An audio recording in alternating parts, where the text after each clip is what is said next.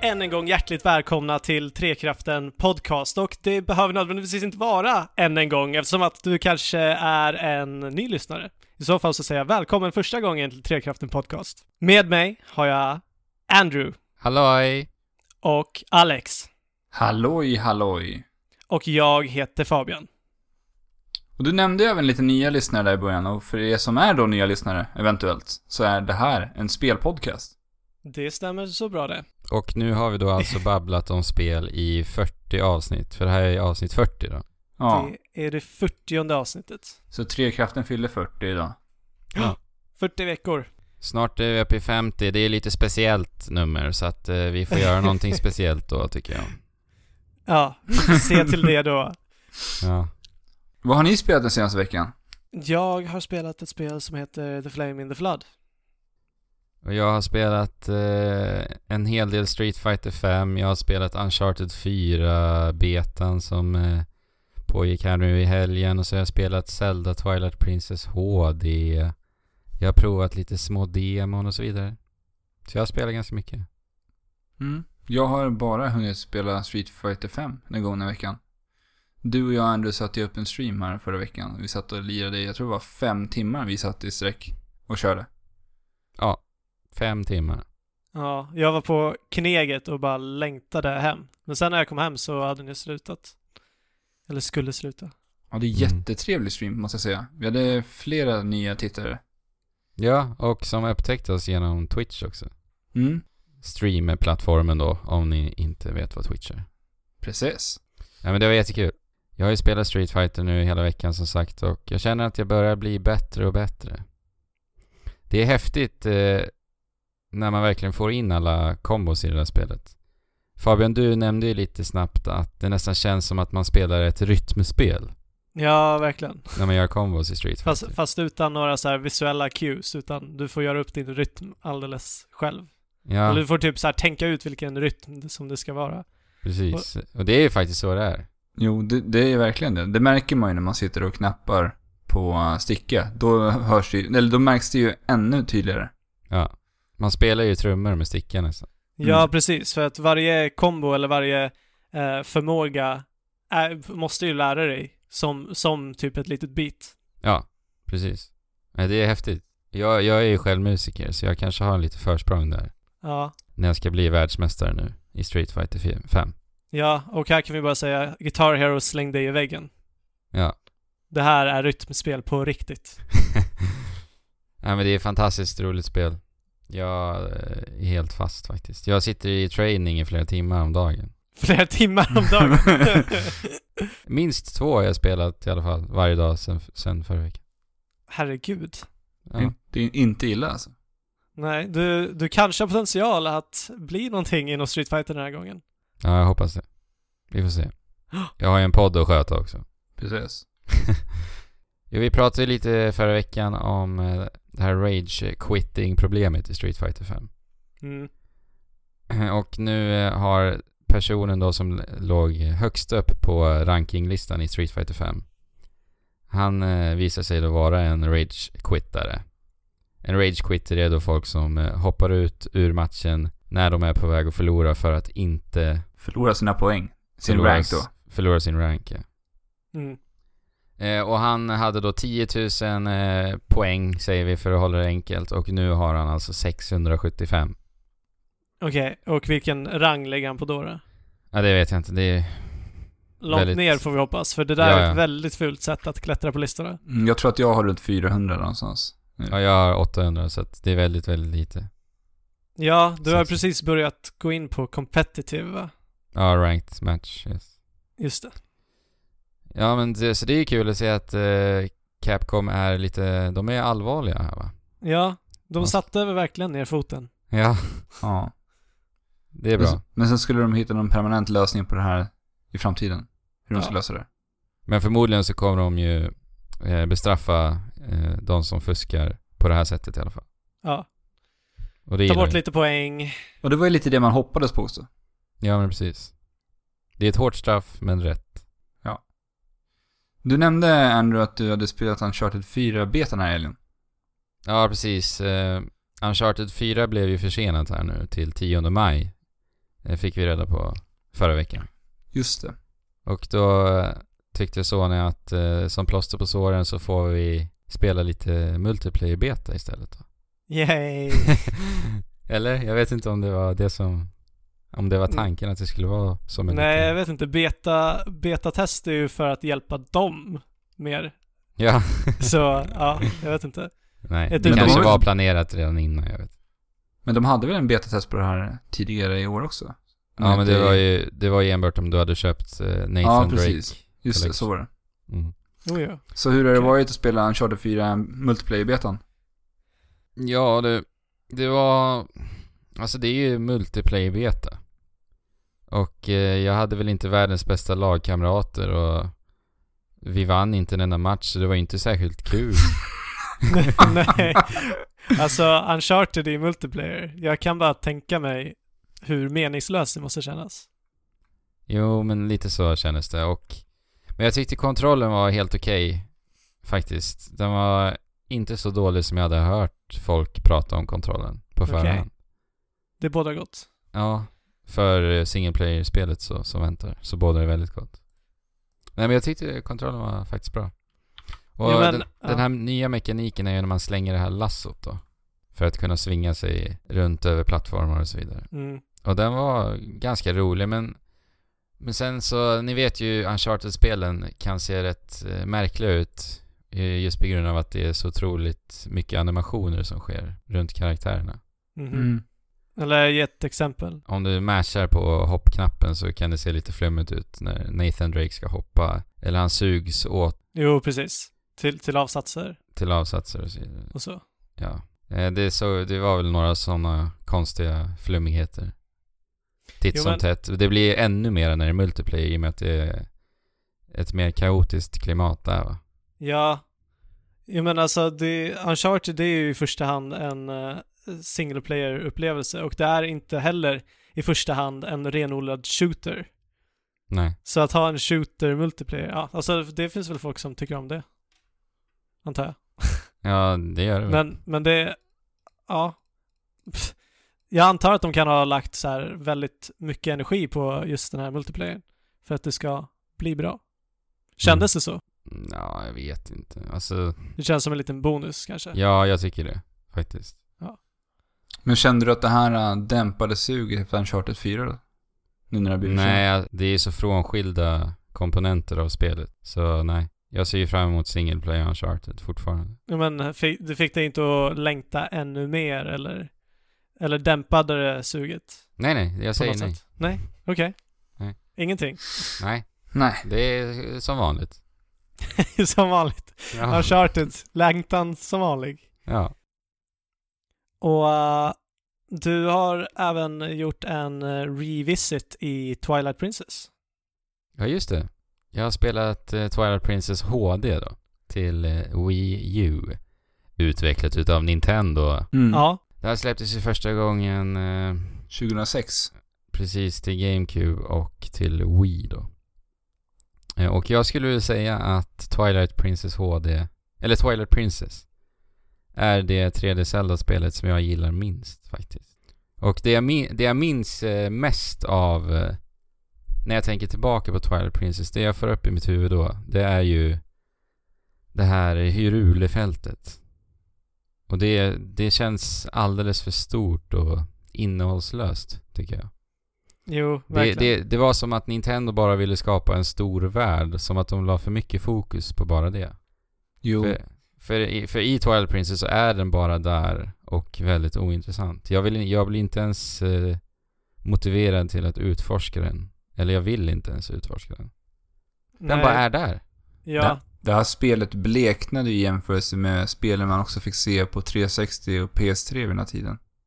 Ja, 360 framförallt vet, vet jag. För det var det som du spelade allra mest när det här spelet begav sig då 2006. jo. Redan, redan när spelet släpptes så såg det ju inte särskilt bra ut. Faktiskt. men, Men om jag man- tyckte det ju såg riktigt bra ut eh, för att vara ett Zelda-spel. Eller att de, har, att de gick med den här lilla, eller mycket mer mörkare och realistiska stilen. Mm. Alltså jag gillar designen men jag gillar inte den grafiska stilen riktigt. För speciellt inte nu i HD-versionen, för man ser ju verkligen hur, hur dåligt den har åldrats Ja. nu. För om man, om- om man jämför med The Wind Waker till exempel, eh, när vi pratar om eh, den här stora världen. I The Wind Waker så, jag totalt älskar att utforska de här eh, ödelagda öarna ute på havet. Och jag saknar den komponenten i ett Zelda-spel. Att Mm. vilja utforska världen. Det är likadant i Skyward Sword när vi var ut- uppe och flög med den här loftwingen i, i skyarna. Det fanns ju inte mycket där heller att utforska. Det var några öar som du kunde hitta några kistor på i princip.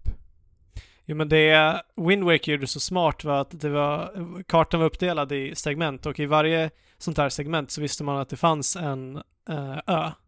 Ja, som det fanns någonting på. Ja, precis. Ja, Jag gillade det jättemycket. Jag, sak, jag hoppas nu med nya Zelda att det blir mer fokus på det. Och det verkar det ju som på förhand. Men hur har det varit då att återbesöka Twilight Princess? För att på förhand, när vi tre pratade, så kände vi, ingen av oss egentligen, något speciellt sug av att återbesöka. Nej, inte alls.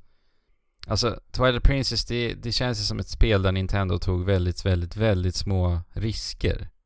Mm. De fokuserade mest på att göra fansen nöjda känns det som, med ett liksom moget och vuxet Zelda. Och Jag förväntade mig eh, lite mer eh, av en helt ny del i, i huvudserien. Speciellt som sagt efter The Wind Waker. För om man kollar liksom historiskt sett på Zelda-spelen så har ju de alltid eh, tagit risker och gjort en hel del konstigheter ända från början. Mm. Kollar vi från Zelda 1 till Zelda 2, det är helt två helt olika spel i princip. Eh, och sen från 2 till Link to the Past, till Link to the Past, till Ocarina of Time, Ocarina of Time till... Ja, ni ser, det är ganska stora skillnader ändå. Mm. Även om formulan på något sätt ändå är, är ganska lik, så att säga. Så tycker jag att Twilight Princess, där spelar de väldigt säkra kort. Ja men det är nästan en remake på Ocarina of Time. Ja, det här spelet ger ju blinkningar till Ocarina of Time hela, hela tiden. Jag blir nästan förvånad nu när jag spelar igen för hur mycket, hur, hur mycket blinkningar det faktiskt är. Eh, Men det som är annorlunda i Twilight Princess det är ju de här vargsektionerna. Eh, När man då som Link förvandlas till en varg. Men problemet jag har med dem är ju att de är de tråkigaste momenten i spelet. Ja verkligen, jag Så, håller så, med. det som, så det som är unikt med Twilight Princess är också det som är tråkigast. så det, ja. Nej, jag har blandade känslor till Twilight Princess. För att när spelet är bra så är det väldigt bra. Och sen finns det väldigt många konstiga moment. Märkliga designval också. Men det, sp- det här spelet påminner dig också väldigt mycket om att du är vuxen i spelet. Till exempel i början så blir man s- väldigt ofta omringad av så här entusiastiska barn som hoppar omkring. Och, och de eh, berättar för, de berättar för Link så här hur, hur de eh, ska bli som honom när de blir stora och så vidare. Och sen tonen överlag i spelet är ju väldigt mörk och det är väl kanske lite antagligen för att eh, poängtera för spelaren att nu spelar du ett, eh, ett moget Zelda-spel här va? Ja, men det där var ju som reaktion på alla besvikna reaktioner på Wind Waker. På Wind Waker ja. Det var jättemånga som eh, inte tyckte om den grafiska stilen. Ja. Men nu när man tittar tillbaka så... Så är, idag är ju Wind Waker en väldigt kär del i serien. Ja, alltså, men det, det känns som att det är väldigt mycket så här principtänk bakom det. Mm. Jo, För, av de ja, fansen ja. Ja, men precis. Och Mm. eh, n- de, de flesta skattar Wind Waker högre än vad de gör Twilight Princess Jo, idag, idag. ja. Men det är ju förståeligt reaktionen på Wind Waker när det begav sig. Att det tog sån himla stor vändning gentemot de gamla spelen. Jo, Med, ja. Medan nu när man tittar tillbaka på det så är det ju ändå en del av Zelda-historien. Så att man har ju liksom hunnit smälta det där. ja. Att Mm. de tog den här eh, Alltså, helomvändningen. Jag personligen har ju älskat The Wind Waker från första gången jag såg det. Ja, ja. Samma här. Ja, men jag var ju väldigt, väldigt ung när Mm. Wind Waker kom också. Jo, jag var ju också ung, givetvis. Men har du klarat av det här, eller hur långt har du kommit i spelet? Nej, jag har spelat en eh, 12 timmar ungefär. Och jag har spelat mycket mer än vad jag hade förväntat mig. Ja, Eh, f- för det här spelet, det börjar ju med en ganska lång introduktionsdel. Och det är väl ganska välkänt med alla som har spelat eh, Twilight Princess. För att många anser ju att den här är alldeles för lång va? Hur tyckte ni att den här var? Introduktion. Nej, jag älskar den. Alex, jag tyckte- Fullkomligt älskar Jag den. minns inte, det är alldeles för länge sedan jag spelade det här, alltså. Ja, det är så pass. Men jag, jag, håller, jag tillhör också den gruppen Fabian, jag älskar ju det här. Ja. Speciellt alltså, i Zelda-spel generellt så tycker jag om långa intron. ja, alltså för det är så här, är, är som en förberedelse på det stora Ja. äventyret som väntar. Och de, by, de bygger upp så himla bra till det. Ja, jag håller med. Jag gillar varje också gång. Alltså att man sätts i en setting som eh, där man får lära känna Link i hans familjära eh, omständigheter liksom. Det. Ja. Och sen så gör omständigheterna att han måste dra iväg. Precis. Nej, jag gillar dem också jättemycket. Och i den här introdelen så är mysfaktorn på absolut max alltså. Skulle du säga att det är det bästa i Twilight Princess? Eh, nej, absolut inte. Men det är mysigt. Men jag slås lite av eh, den här introdelen hur otroligt bra designad den är. ja, Eh, hur så? För, för det här är ju lite av en handledning i hur man ska lära sig simpla mekaniker i spelet. Mhm. Ja men till exempel så träffar du på en man i början där som har lite problem med en bikupa ovanför hans hem. Ja, just det. Och spelet visar då en liten eh, mellansekvens. Och då blir han påhoppad av bin som jagar honom. Och detta leder då till att han eh, i panik hoppar ner i närliggande floden då. Okej. Och här funkar ju givetvis våra hjärnor då att vi måste följa upp händelserna och kolla hur det står till med stackaren. Det är ju det logiska att göra. och på vägen dit, g- när man eh, går till honom, då Mm. hör du en annan man skrika ifrån en upphöjnad. Och där lär du dig då eh, Z-targeting, att eh, låsa fast eh, siktet på folk. Ja. Eller på fiender eller vad som helst. För att prata med fi- eh, människor på en upphöjnad så måste du ju då låsa fast siktet. Så där sp- lär dig spelet det. Och det jag tycker är så snyggt gjort, eh, hur de leder dig till att lära dig det. Och sen så bara eh, fortsätter det ända därifrån. Spelet bara smäller på dig en, en hel del problemlösningar. Ja. Och jag tycker det är jätteimponerande eh, hur de, hur de gör det. Jo, men att man lär sig utan att man ens tänker på det. Precis. Att man lär sig. Exakt. Det är det som är så snyggt. Ja. Men det är väl generellt det här jag älskar så mycket med Zelda-spelen. Hur, hur snyggt designade lösningarna är på alla problem. Och eh, du liksom finner ett flow i spelandet. Mm. Vilket, och det är det som också gör att de är så svåra att sluta spela. Ja, Det- verkligen. Och som sagt, jag har ju spelat i 12 timmar nu. Jag trodde jag skulle känna lite på nyheterna och sen lägga tillbaka det på hyllan. Men ja.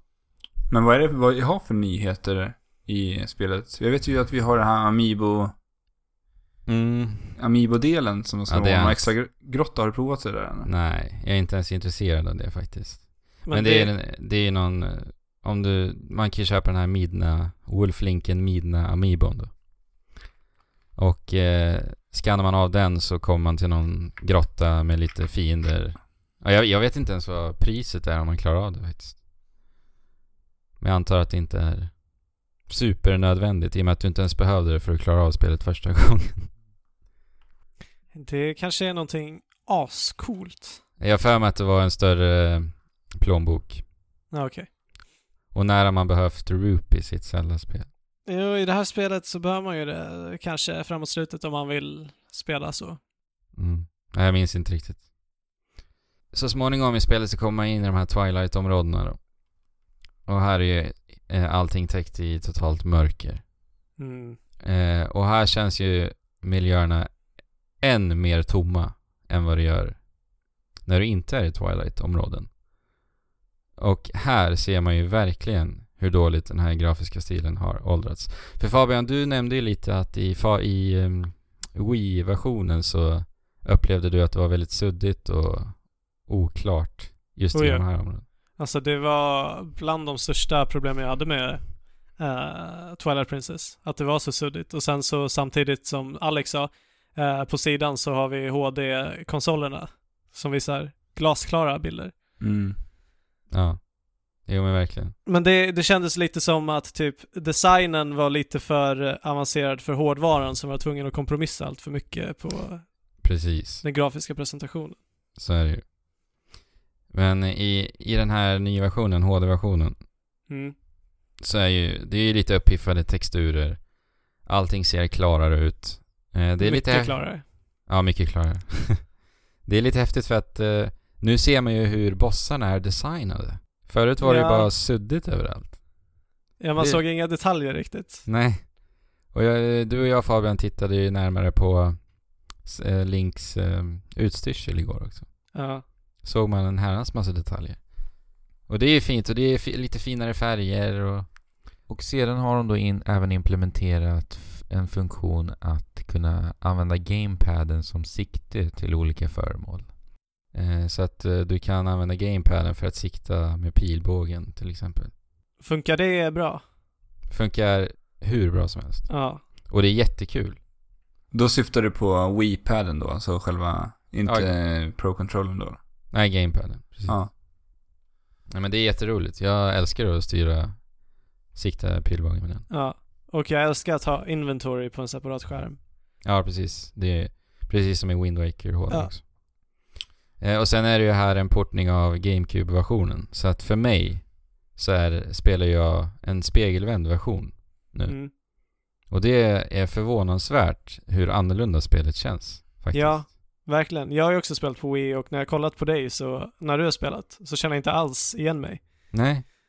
Jag blev förvånad över hur pass eh, stor skillnad det faktiskt är. Och Och det är anled- roligt. Jag gillar det verkligen. Anledningen till att man gjorde det här var ju för att Link höll ju, vad är det, han håller svärdet till vänster, han har alltid gjort det. Precis. Ja. Och för att det skulle kännas... Eh, och sen så skiftar man då världen till GameCube-versionen. För att i Wii-versionen håller man då svärdet i höger hand. Precis. Exakt. Men eh, det jag gillar också med den här HD-versionen är ju just för att det är en GameCube-port. Så du slår ju med svärdet med en knapp nu. Mm. Istället för att vifta med Wii U-kontroll. Ja. Eller Wii-kontroll. Alltså det kändes så himla B Ja. att svinga med, med Wii-kontrollen. Mm. Ja men verkligen. Ja, det, det är ju ett bättre spel nu när jag spelar det. Eh, nästan just på grund av det va. Ja. Så det känns ju verkligen bättre att spela. Men sen, eh, i, alltså geometrin och förhindren i, i världen är ju densamma. Så att det kan skära sig lite i ögonen ibland Mm. faktiskt. Men det, man får ju ta det för vad det är. Det är ju ändå ett tio år gammalt spel. Liksom. Det är Mm. Wii. Men Och sen, Tio år alltså. ja det är tio år nu. Men sen i de här Twilight-områdena som jag pratade om. Yeah. S- så är ljudlandskapet helt fenomenalt bra tycker jag. Mhm. För här hör man så här eh, väldigt märkliga ljudeffekter med dissonanta toner som verkligen får världen att kännas eh, nästan lite skrämmande och så här ur funktion. Och jag, jag tycker det är verkligen om att atmosfären i Twilight-områdena. För- eh, Just i ljudlandskapet, förutom hur det ser ut då som jag pratat om. Mm. Hur är det med ljudet och musiken jag spelar? Har man eh, gjort någon slags eh, remaster på det? Alltså, vad jag förstår det som, någon lyssnare får skicka hat till mig om jag, har, om jag säger fel här. Men vad jag förstår det som så är eh, musiken i spelet inte remasterad. Men eh, om du köpte den här limiterade utgåvan med Amiibon och spelet och så vidare, Mm. då fick du ju även en soundtrack-skiva. Mm. Mm. Den är remasterad musik. Okej. Okej. Konstigt Ja. att de inte bara implementerade det då. Fast de Om kanske det inte nu- gjorde om alla, alla tracks. Nej, om det nu är så. Jag, jag tror att det var så. Jag är inte riktigt säker som sagt. Ja. Men sen, vi kan ju inte prata om Twilight Princess utan att nämna Midna, hörni. Nej. Nej, den bästa sidekicken i ett Zelda-spel skulle jag säga. Ja, jag håller med. Ja, ja, utan tvekan. Alltså det är ju kanske den enda som har en personlighet på riktigt. Ja. Jag Så- tycker hon är så cool alltså. Eh, hon känns ju väldigt unik också för ett Zelda-spel. Mm. Både sett hur, hur hon är designad men också personligheten som sagt. Jag gillar henne jättemycket alltså. typ ser ner på Link hela tiden och eh, att Mist- sä, sä, säger att hon har Link som en slav när hon rider Ja. på honom och så. Hon säger, någon gång säger hon Mr. Hero och så vidare. Ja, sarkastiskt. Ja, precis. Men sen måste jag ju hörni bara nämna att eh, kontrollen när man styr, när man rider på Epona, hästen då. Den är helt och hållet vedervärdig. Vi är inte värdiga alltså. Ja, den är vedervärdig. Och det, för det första är det svårt att styra, det är väldigt seg kontroll och om du eh, kommer nära en vägg så bestämmer sig japanerna för att stanna upp och då måste du vänta på en animation innan du kan börja styra igen. När de stegrar? Eller? Nej, inte bara stegrar. Nej. Det kan vara att du bara kommer in i en vägg, då måste hon så här Ja, det är någon konstig ja, men animation hon gör, så måste du vänta ett tag innan du kan börja styra igen. Oj. Och det är extremt frustrerande. Det är nästan som man hinner gå och ta en kopp kaffe däremellan. Oj. Nej, Jag, jag, jag vet inte. Över, alltså, överlag känns inte det här Zelda-spelet riktigt lika välpolerat som andra Zelda-spel. Du Fabian nämnde också den här svinganimationen i förs- ja. första templet där aporna då hjälper dig över plattformen. ja, det är så fult. Ja, Alltså det, det är inte likt Nintendo att lämna någonting fult på det Men nu- sättet. Undrar om det kan ha att göra med att det här spelet hamnade ju lite i kläm mellan Wii och GameCube-versionen då. För att det här spelet var ju ett spel som varit försenat väldigt länge. Ja. mm. Och att man ville få ut det här äh, till Wii-lanseringen också. Jo, ja precis. de kanske blev lite tidspressade. Jo, för att alltså, de, de vet ju då att om de lanserar en Nintendo-konsol och har ett Zelda-spel vid release så kommer det gå bra. Och det gjorde det ju. Ja. Jo, absolut. Jo, Så kan det säkert vara. För jag menar, som, eh, kollar man på The Wind Waker. Det, det spelet är ju så polerat så att det nästan är löjligt. Ja, det blev också försenat. Ja. Eh, och till slut så eh, tog man bort två grottor därifrån tror jag. har jag ja. för mig. Eller Alltså, som- om det var en. Jag minns inte riktigt det. Ja, men jag tror att de ska finnas i Twilight Princess istället. Ah, ja, okej. det var så till och med. Nej, det är ju smart i och för sig att göra så. Ja. Men alltså, jag, jag gillar ju det här spelet jättemycket. Jag, ty- alltså, nu, nu pratar jag om ett Zelda-spel. ja, då har man ju lite högre krav Precis. ofta. Jag tycker ju att det är ett fantastiskt bra spel och jag, jag kommer nog fortsätta spela. Och det trodde jag inte. Jag märker ju liksom hur mycket jag tycker om Zelda-spel.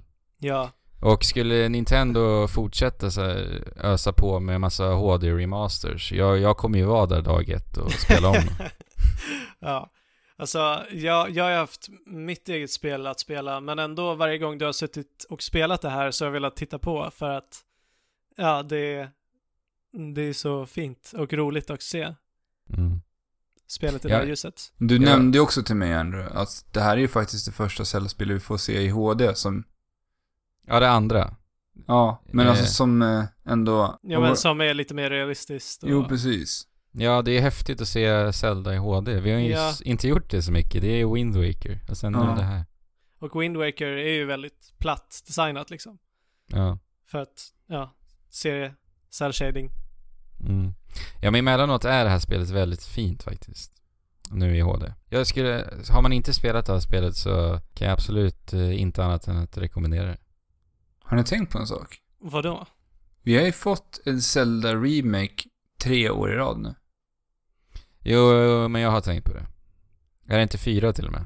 Jo, det är ju Jo, det är Ocarina nog. of Time, Majoras Mask. Nej, eh, Wind Waker, Majoras Mask Ja, ja. och sen nu Twilight Princess. Ja. Flitiga på Zelda Remasters. Ja, Det- alltså det tar ju sin tid att utveckla nya Zelda-spel. Ja, det gör ju det. Så att Ja, det... Sk- Skyward Sword, det var ju fem år sedan nu va? Det blir inte det? Ja, det blir fem nu i, i vinter. Ja. Så under den perioden så har vi ändå fått fyra. Ja, vi har ju fått ett nytt också ju. Eh, A Link Between Worlds. Just Vi, har det. ju- vi har ju till och fått med. fem Zelda-spel. Ja, Så. och Triforce Heroes. Ja just det, sex. Oj Jo, oj oj. men oj. Ja, mm. det kommer mer frekvent än vad man vill tro. Men Fabian, du har ju spelat eh, ett litet spel du också. Ett väldigt, väldigt annorlunda spel från vad du har spelat. The Flame in the Flood. The Flame in the Flood heter det. Eh, det är utvecklat av en liten studio som heter The Molasses Flood. Som, ja, det är en indie-studio. Eh, medlemmarna är från, eh, bland annat från Harmonix, Bungie och Irrational. Så Oj. att det är gamla spelveteraner som har eh, varit med och gjort spel, spel som Halo och Bioshock och Guitar Hero. Det låter ju som ett dream team. Ja, alltså d- först, först så såg jag det här spelet eh, och jag föll för designen. Jag tyckte det såg riktigt coolt ut. Eh, Mm. och så kollade jag upp det och sen så, ja, det var Det var spelveteraner som utvecklade det här. Klart att jag ska spela det här. Mm. Spännande att se vad du tycker nu. Mm. Har ni spelat något survival-spel någon gång? Nej, inget faktiskt. Jag har spelat eh, det här Don't Starve, om det kan räknas som ett survival-spel. Och precis. Det är väl det jag också spelat mest.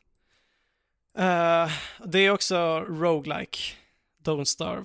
Mm. Och jag, jag vill jämföra det här väldigt mycket med Don't Starve faktiskt.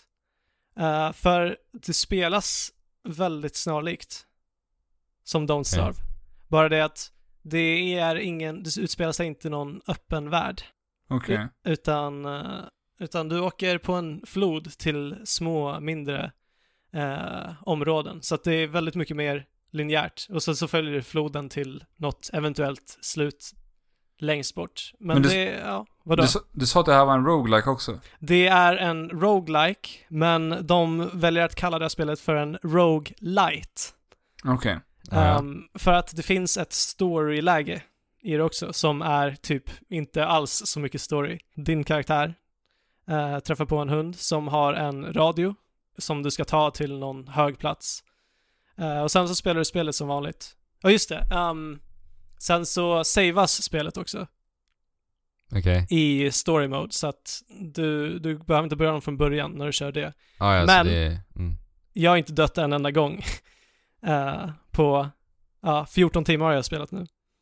Så eh, ja, jag Svårighetsgraden. vet inte hur, hur, jag spelar på normal, jag skulle ju kunna ha spelat på eh, det svåraste. Men skulle du antar jag. rekommendera att spela det på en högre svårighetsgrad tror du? Alltså jag vet inte. Grejen är, det, det är ett survival-spel och jag, jag kör ju, jag, jag vill väldigt gärna göra allting väldigt metodiskt. Så jag, s- Mm. jag, jag hårdar ju på allting som kan vara nödvändigt. Men vadå, det är liksom d- samma mekaniker som i Don't Starve då? Att du går runt och du ska samla på dig föremål, crafta. Det, precis. Eh, men eh, i Don't Star så hade du en eh, sanity-mätare, Mätare. precis, att hålla koll på. Det har du inte här, men du har en... eh, Och vad Eller- innebar det då? I Don't Star så innebar det att om du råkade ut för för mycket sjuka saker så blev du galen och började se saker i syne och grejer. Jaha. Eh, men eh, här ska du bara hålla koll på ja, hydrering, alltså vatten och hunger, eh, temperatur och Okej. utmattning. Mm. Så för att kontra hydrering så dricker du vatten, om du ska kontra hunger så äter du mat, om du ska kontra temperaturen så eh, sitter du vid en eld eller hittar något krypin att vila i och utmattningen, ja, vila. Mm. Och jag känner inte riktigt, eller jag har aldrig liksom varit utsatt för något av det här. Jag har, alla mina eh, behov har aldrig gått under 50% Jaha. Det under känns hela ju tiden jag som spelat att... det här. Det känns som att, ja, det, det känns alldeles... Det låter inte För jättemycket som ett eh, survival-spel då. Nej, jag menar det. Nej. Mm. Då försvinner ju hela den... låter ju Funktion. lite mer som Jo, men- eh, semester. Men det här är ju så här, vad heter det? Procedural... Procedural Generated. generated procedur... Vad säger man på svenska ens? Jag vet inte Ja. faktiskt. Så att jag kan ju också ha haft väldigt, väldigt tur med alla de ställen som, som jag har besökt. Ja. Men, äh, ja, som sagt, det handlar om att åka på en flod och du kan också uppgradera din flotte. Eh, och sen, s- s- sen så, när du åker på den här floden så dyker det upp små emblem, eller vad heter det, symboler eh, för alla olika områden som man kan besöka.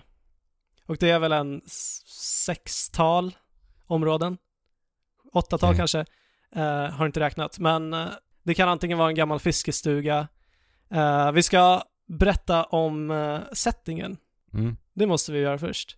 Ja, just Man vet, man vet ingenting, bara att det är en enorm flod här och allt, hela eh, marken verkar ha spräckt. Alltså det är någon typ av eh, eh,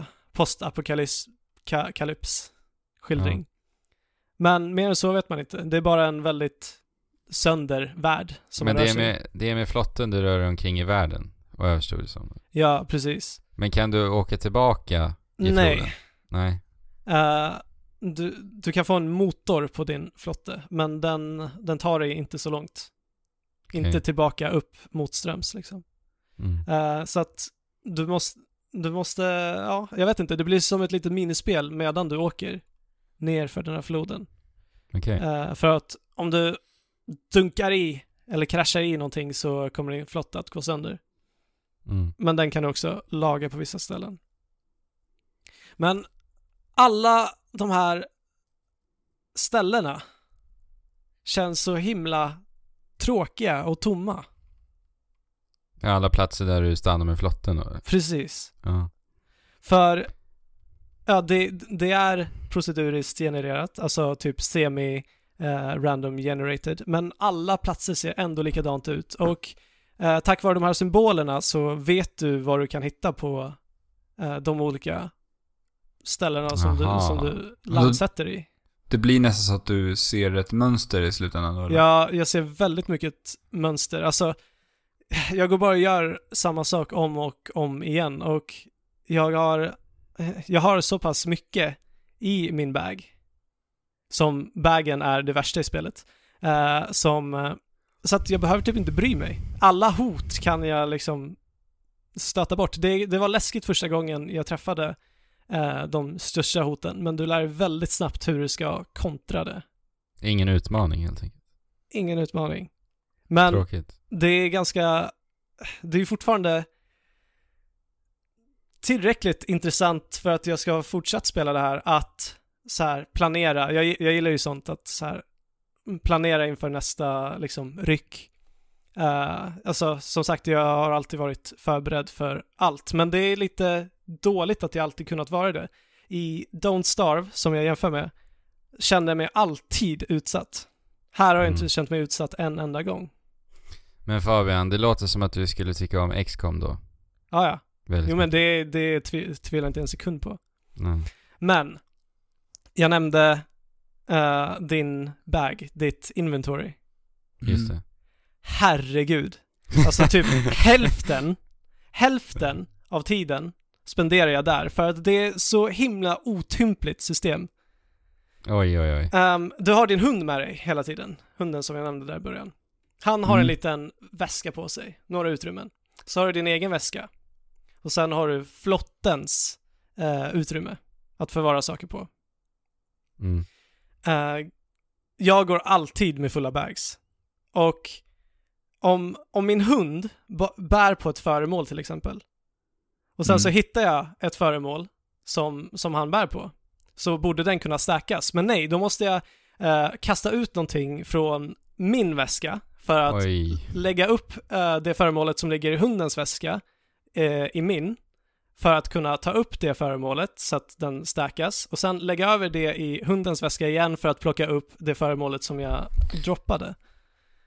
Det där låter ju som en mardröm. Jag menar, det här spelet, alltså det är ju ett survival-spel och vad jag förstår det som så, så kommer man ju behöva spendera en del tid i menyer. Jo, men då, men de då kunde vill gjort- man, precis, men då vill man väl att det ska vara enkelt och, Ja, alltså jag, jag, är inte, jag spelar inte det här spelet för, för att hålla på och krångla. Jag antar att det kanske är lite så om du skulle försöka överleva i verkligheten, att du måste gräva i din väska med jämna mellanrum. Men nej, det, det är inget kul spelmoment alltså. nej. Nej, det låter ju inte kul. Men som sagt, jag gillar ändå eh, designen. Det, är det är typ väldigt mörkt, det känns eh, dekadent. Eh, ja, jag vet inte, det, k- känslan i spelet är väl är det bästa tycker jag. Mm. Jag, jag upplevde det som lite mysigt nästan när jag kikade lite när du spelade. Jo, det, det, blir, det blir ju mysigt, men det blir också, alltså, med, med den här mörka undertonen, plus den här myskänslan, det, jag tycker det är härligt. Men du sa att du hade spelat i 14 timmar. Ja, Har du, du har inte dött en enda gång jag ens? har inte dött en enda gång. Okej, så då vet du inte... Mm. Jag vet inte vad som händer när man dör. Nej, för det var jag lite nyfiken på. Om det skulle vara så att man progresserar även fast... Som det är i vissa roguelites så kan det vara så att man även progresserar även när man ko- startar upp spelet igen med nästa karaktär. Jo, precis, men jag har kollat upp det där. Eller alltså på, i storyläget så, så får du ju spela om från din förra save. Ja. Och den savear typ varje gång du går och lägger dig eller varje gång du sätter dig på din flotte eller något sånt. Så att där antar jag att det är bara att du får börja om helt enkelt. Okej. Men jag läste mig till att när du dör, när du spelar survival, så eh, förlorar du alla dina saker. Du börjar om som samma person, men eh, de sakerna som låg i hundens väska får du ha- ha kvar. Okej. Okej. För att hunden dog inte helt enkelt. Mm, ja, jag antar så. Men, ja, till, till eh, känslan så hör också musiken. Eh, den har blivit väldigt, eller det här spelet förstår jag som av det jag läste innan, eh, att det har blivit ja, lite hyllat eller uppmärksammat för musiken åtminstone. Mm. Eh, men jag vet inte, alltså för mig så har det bara varit, alltså det, det har gått runt på en fyra låtar. Det, visst, det är härliga låtar liksom. Eh, Inget Men- minnesvärt. men inget minnesvärt sådär. Musiken är skriven av någon som heter Chuck Reagan. Mm. Känner ni igen honom? Han är någon artist, jag kollade upp honom på YouTube. Nej, aldrig Ja. hört. Ja men han gör ju Mm. soft, han gör ju softmusik alltså. Lite rock, lite typ så här eh, amerika- western, western rock kanske? Nej, inte western rock. Men lite country, western. Lite sydstatsrock helt enkelt. Mm, ja, li, lite åt det hållet. Eh, och det, det passar väldigt bra in i det här för att, ja, Mm. det, det känns, hela känslan känns lite som en så här hillbilly, vad säger man? Hillbilly-sfär Ja. kanske. För Men, man träffar på några pe- personer ibland och de är väldigt så här nedgångna och jättekonstiga personer. Men ja, de gör inte så mycket. De pratar lite med dig och så ger de dig någonting och sen så är det slut.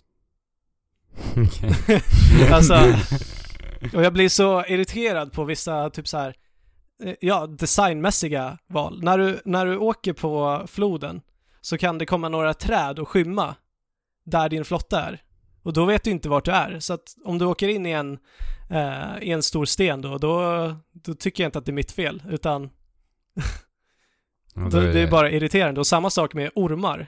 Man stöter på ormar, de ligger på sitt ställe och om du kommer för nära så kommer de att bita dig.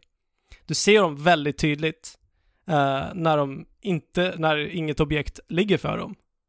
Men det kan vara en buss som, som de ligger bakom. Det är alltså, eh, kameran är låst i en sån här eh, i- isometrisk vy. Alltså snett uppifrån. Ja, snett, ja. Så de ormarna kan du bara gå in i utan att du ens knappt vet att de är i närheten. Du vet att de är i närheten för att du hör att de väser. Men Mm. du, du vet inte alls vart de är.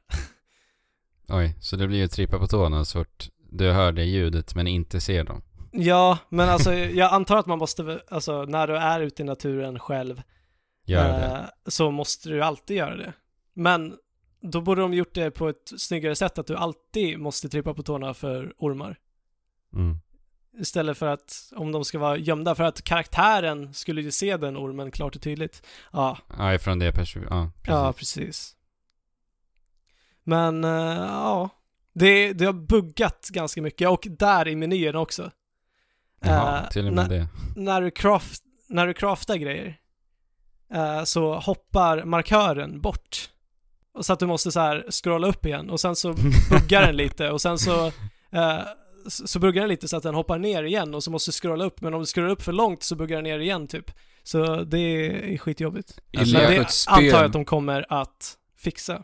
illa för ett spel som eh, kräver att man spenderar ja, verkligen. mycket tid i menyer. Det och- låter ju som mardrömsmenyer alltså. Ja, ja jag, jag, jag har blivit ganska snabb på dem, måste jag ändå erkänna. Men jag undrar lite, jag har ju Säg spelat själv. lite Don't Starve. Ja, Hade ju jättesvårt för det spelet. Fastnade inte alls för det spelet. jag tyckte det var helt underbart. Jag eh, tyckte det var usch och blä. Oj, okej. Jo, Det, är- det tar ett tag att komma in i alltså. Ja, alltså jag la in tio timmar men jag fastnade, fast, fastnade Ah, ja, aldrig okej. för den då. Men eh, det här är alltså is- ingenting du skulle rekommendera mig att spela. Eh, förmodligen inte. Crafting-biblioteket Ja, är så tomt. Också det för ett survival-spel, det är inte ett plus. i kanten, utan eh, du kan göra lite fällor, du kan göra en pilbåge, eh, du kan Nej. göra nya kläder. Sen så ja, tar det i princip stopp där. Ja, du har gjort... Och, och jag menar, ja, jag har gjort allting och jag gjorde, jag gjorde i princip allting väldigt eh, tidigt i spelet. Mm. Så ja, jag vet inte hur det här riktigt håller sig. Nej. Jag har, jag har som sagt spelat, fortsatt spelat, för att jag vill se vad som finns i slutet av den här floden, men jag är precis på mållinjen nu. Ja, Jag uppmanade ju dig till och med ett tag att sluta spela. Men då sa ju du nej. Nu ska Ja. vi se vad som händer här. Ja, precis. Och sen, sen som sagt så tycker jag att det är måttligt underhållande eh, att sitta och planera lite och fixa i sina, ja, ni vet. Ja, du känner dig underhållen helt enkelt. Ja. Alltså det, det, känns, det känns bra när jag har allting för att överleva. du är lite manisk. Lite manisk kanske. Ja. Men eh, ja, om, om man gillar om man gillar survival-spel i stil med Don't Starve så, så antar jag att det här, det här kommer, att du kommer tycka det här är intressant. Mm. Men eh, ja, jag vet inte.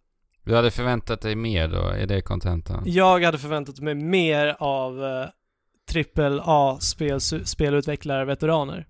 Ja, Det hade jag verkligen. Alltså det, tråkigt. det känns platt i slutändan. Ja.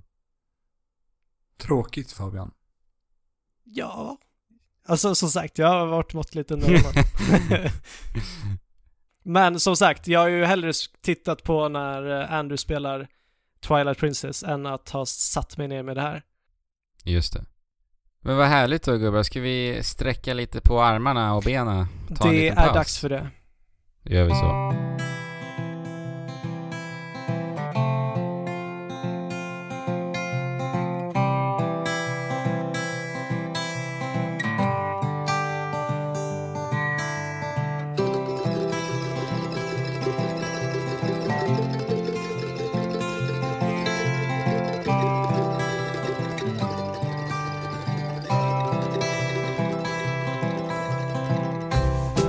All aboard the river, won't wait for any soul, unsure of destination. Vilka härliga melodier va? Ja, Ja. vi vet inte ens vad det är för melodi just nu. Nej men det lät fint.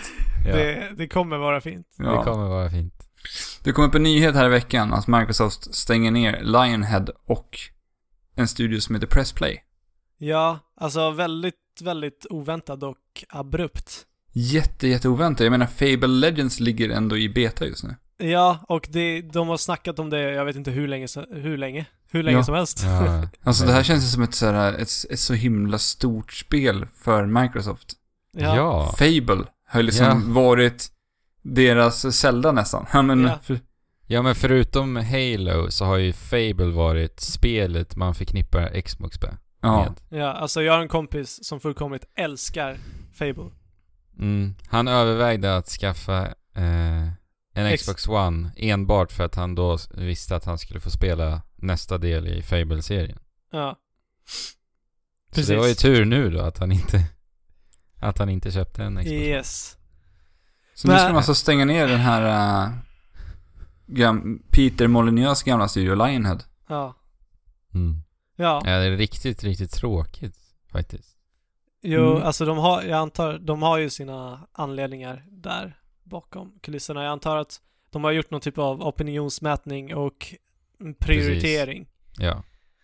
för Så vad är de det. behöver lägga resurser på. Och de har erbjudit alla eh, som, som förlorar jobbet på grund av det här nya möjligheter på Microsoft och Xbox. ja, det är ju hyggligt i alla fall. Det är ju hyggligt i alla fall, men ja. De har ju tryckt ganska mycket på att de vill satsa på sina, sin Xbox och just spelarna. Mm. Jo. Väldigt mycket. Jo, eller de, de vill väl satsa nu på att göra eh, Xbox till en eh, typ mindre dator. Ja, precis. Det kom ju lite snack om det nu. Eh, under den här Xbox Showcase som de hade då förra veckan. Mm. Mm. Och Då pratar Phil Spencer då i förbifarten om att Xbox One kan komma att bli uppgraderingsbar eller eventuellt då nästa Xbox-konsol. Och då, likt en dator då. Ja, precis. Med, eh, ja du uppgraderar hårdvaran helt enkelt med nya komponenter. Mm. Ja, och med hela den här Windows Windows Live. Vad, vad kallar de den tjänsten ens? Jag vet faktiskt inte. Jag- Jag tror att det är Xbox Live Eller? Xbox Live på Ja. Windows. på Windows. eh, på datorer. Så, så ja, det, det känns ju som att de tänker gå en lite annan riktning. Jo, men vad tror ni om en uppgraderingsbar eh, Xbox-konsol? Alltså, jag vet inte riktigt vad jag tror om det. Alltså, förvirringen hos konsumenter, hu- hos den vanliga konsumenten, Ja. kommer ju bli Balla total. ur. Det, Ja. det tar ju bort lite d- anledningen varför jag har spelat konsol hela mitt liv. Ja, Jag har ju Ja. gärna undvikit PC just för den anledningen att PC-komponentsdjungeln blir alldeles snurrig av. Jo, Ja. precis. Och, för det lite fina med att PC finns är ju att, ja men det, den möjligheten finns för de eh, Nördarna, hårdvarugalna. liksom. ja. Mm. Jo, verkligen. Och konsoler, det är så enkelt. Du köper en konsol och sen så funkar alla spel som du Precis, och, köper till det. och spelen är dessutom väloptimerade. Det problemet Ja. skulle ju dyka upp även på nästa Xbox då också. Jo, eller? Mm. Alltså grejen är, de skulle kunna försöka gå en väg som vi alla trodde att Steam Machine skulle göra. Som där också blev en djungel till slut. Precis. Eh, men att de bara, att de har, att de bara släpper Xbox Upgrade Pack 1. Xbox Jo, I så fall Upgrade- hålla det, precis, i så fall hålla det till väldigt, väldigt få alternativ. Mm. För att om det blir för många komponenter, då kommer ju optimeringen lida. Ah, ja. Jo men det, i så fall så tror jag att det är så de måste göra för att det fortfarande ska kunna Ja, funka som en konsol. eller varför inte efter, säg, ett par år släppa eh, Xbox One Point 2, liksom. Och då är det en liten uppgraderingsbar hårdvara. Eh, och Du, du menar att den här, eh, att de släpper en sprojlans Xbox One? Nej, men nej, men jag säger inte, jag bara tänker om, om Xbox One nu var uppgraderingsbar. Ja. Att de ändå låter det gå ett par år innan de i så fall uppgraderar. Jo men det kommer de, skulle, skulle de nog göra för att alltså, eller jag, jag vet inte, de här konsolgenerationerna nu är ju så himla långa. Det här har vi ju sett en gång i tiden. Vart då? Ja, Sega, Mega Drive Precis. gjorde ju sin eh, Sega CD-grej som de kopplade ihop på Mega Driven då. Och det gick ju Ja. väl inte sådär superbra. Nej, och sen släppte de även till pålägg på den där. Som det var den här 42X och det ser ju ut som Ja, ett just det. jäkla helvete just alltså. det, just det. Jo, men ja, man, man byggde på den här uh, megadriven så att den såg ut som ett jävla monster. det är så sjuk alltså. Ja. Men Nintendo gjorde ju det även i Japan med Nintendo 64. Ja, just det. Eh, en kom ju aldrig hit. diskenhet. Det kom aldrig hit, men det var för att det blev en så kommersiell eh, misslyck- ett så kommersiellt misslyckande. Men eh, sen hade vi ju faktiskt expansion pack också. Ja, Ja. men Det- det, fick, det fick man ju med de spelen som b- Ja, behövde man fick det. ibland. Ja, det kanske man fick. Eller jag vet inte, jag fick med det mitt Donkey Kong Ja. 64 tror jag. Anledningen, tror- till att, anledningen till att du fick det till Donkey Kong, vet du varför det var så? Nej, För att det var nämligen en bugg i spelet, en game breaking bugs. okej. Just det. Och de märkte att den inte uppstod om man spelade med expansion pack. Aha. Så därför skickade de med det. I Ja, alla ah, men spel. det var ju hyggligt. Hur många spel var det som använde sig av expansion pack? Det var Majora's, Majora's Mask. Mask, Också, ja. vet jag. Ja. Och, eh, vad heter det? Rare-spelet. ja. Conquer eller? Nej, det andra. Inte Goldeneye utan Banjo. Perfect Dark. Nej, Jaha, vad heter Perfect det? jo, Dark. Perfect Dark, just det. Mm. Perfect Dark. Nej, jag vet inte. Alltså, det som håller konsoler relevanta och tillgängliga, det är ju lättillgängligheten. va. Ja. Och det Men- skulle ju försvinna lite. Fast man skulle ju fortfarande behålla till tillgängligheten. Om man gör så som vi har sagt. Men är ja, det I så nöd... fall måste det vara så. Ja. Jag förstår inte, är det nödvändigt? För hur länge vill de då att nästa Xbox, eller nu om det skulle vara Xbox One, hur vill de länge att, att den ska leva? Ja, det... det Vadå, tänker de, tänker de typ såhär, ah, men den ska leva i 20 år? För att, om man kollar på förra generationen, hur länge den levde? Mm. Det var ju en herrans massa år egentligen, det var den längsta konsolgenerationen vi haft. Ah, ja, och Men kommer Men vi får väl förmodligen vara länge. anta att det här gäller nog inte Xbox One i alla fall. Nej. Nej. För att, nej, det vore ju märkligt så. Men de kanske i och för sig släpper en eh, Xbox One upgradable pack. Ja, alltså frågan är om man inte skulle, ja. Det, det är ju jobbigt för typ förvirrade föräldrar som köper till sina barn ett spel Exakt. och sen så funkar inte det. Ja. Det är ju bäst att hålla det simpelt så att det blir bekvämt för konsumenten att skaffa sin hårdvara. Mm. Eh, Så, så att de vet att spelen kommer fungera till dem. Mm. Jo. Ja, vi får se. Ja. Ni kommer ihåg att vi, när, när vi snackade med Fenjima, tror jag det till och med var, att Mm, UFC-omslagen, eh, spelomslagen, Ja. UFC, eh, att det är som en eh, förbannelse att vara där på. Ja. Just det. Senast vi Äh. pratade om det så var det ju Ronda Rousey som hade åkt på stryk då. Efter Ja. att hamna på omslaget. Ja, precis. Så att om du hamnar på UFC-omslaget och är, eller du, du har inte blivit slagen på väldigt länge, så eh, kommer du att förlora. Precis. Och det har hänt än en gång igen. Ja. Eh, på, på det nya omslaget så kom eh, en kille på sidan av eh, eh, hon Ronda. Precis. Så Ronda är nu... Det är Ronda och den här nya killen. Och- Vad heter han? Conor McGregor va? Ja, Conor McGregor heter han. Båda har fått däng nu alltså. Och båda har fått däng nu. det är ju roligt. Kort faktiskt. efter. Hamnat där. Ja, det är Ja. kul. Undrar hur PR-folket på EA känner nu. Ja. Vilken flopp. Ja. Det, det blir ju ett fenomen också. Så att det är nog eh, inte en flopp. Nej, det är sant. Det är, Det är sant. nog en ganska stor win. Det har Ja. tydligen hänt i, på andra spelserier. Eller Madden. Jaha. Okej. Har det hänt också? Alltså, Amerikansk fotboll. Precis. Då har de sett det här mönstret också. Okej. Ja. Där de har satt storstjärnor på omslagen och sen har de haft en jättedipp i karriären säsong, full, efterföljande säsong då. Oj. Så att... Eh, Alltså, ja. Alltså, kon- de kanske- kontrakten, kontrakten för spelarna på dem, eh, på att f- få vara på omslaget, de måste ju ligga på miljonbelopp nu. Ja, ja. ja. Jo, men ja, de kanske får prestationsångest. Eller Ja. så, så får de så pass mycket pengar att vara på omslagen att de inte behöver anstränga sig och hamna på latsidan ett tag. Ja. Eller ja, jag vet inte. ja det är väl från eh, individ till individ då. Mm, får följa upp det här nästa år och se om, hur det fortsätter. Ja, men jag skulle vilja, jag skulle vilja intervjua samtliga av alla de här som hamnat på eh, omslagen och liksom s- se vad som hände. Det hade kunnat bli en rolig intervjuserie. Jo, det hade jag. Eh, jo, gubbar. Vi pratade ju här för några veckor sedan om Beyond Good and Evil 2. Mhm. Det var väl i början av året när Michel Ancel, alltså Rayman-skaparen då, som även eh, skapade Beyond Good and Evil. Mm. Ja, Han berättade ju att han eh, fortfarande arbetar på tvåan då. precis. Eh, och nu eh, har det börjat eh, ryktas om att Nintendo tar upp spelet och finansierar det. Och Likt de då- gjorde med Bayonetta 2. Precis, till Wii U. Och då eh, eh, ska det bli exklusivt till deras nästa konsol, NX då. Det vore ju alldeles toppen om de, om Nintendo kom och räddade den här serien.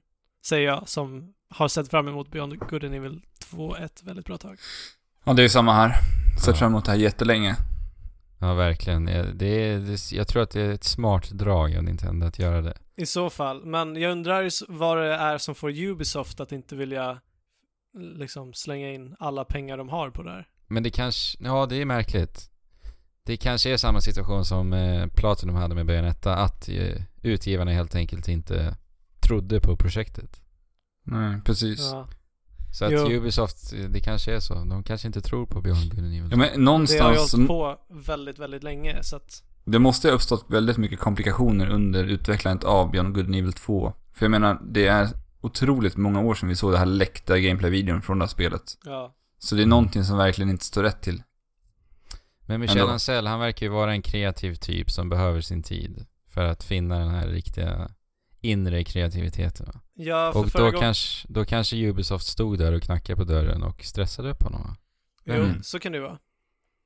Eh, f- för, vi, för vi nämnde ju det eh, när vi nämnde Michel Ancel förra gången. Att han kände inte att det, han vill inte göra samma sak igen med Beyond Good and Evil 2 som han gjorde med Beyond Good and Evil. Nej, just det. Så eh, Det kan ju ha varit någonting där också. ja. Ja. Det är ju inte helt osannolikt att ändå Ubisoft är eh, utgivare av spelet heller.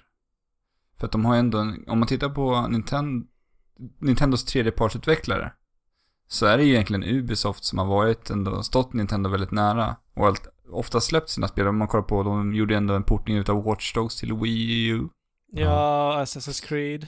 Precis, och de har ändå så här, gett Nintendo en hel del förtroende. Trots att de har haft mycket motgångar med sin Wii U. Mm. Och Jo. om nu Ubisoft har eh, massa inside info om NX så kanske de får, en, eller ger det ännu mer förtroende. Ja, Mm. Ja, vi får se. Spännande. mycket, mycket spännande.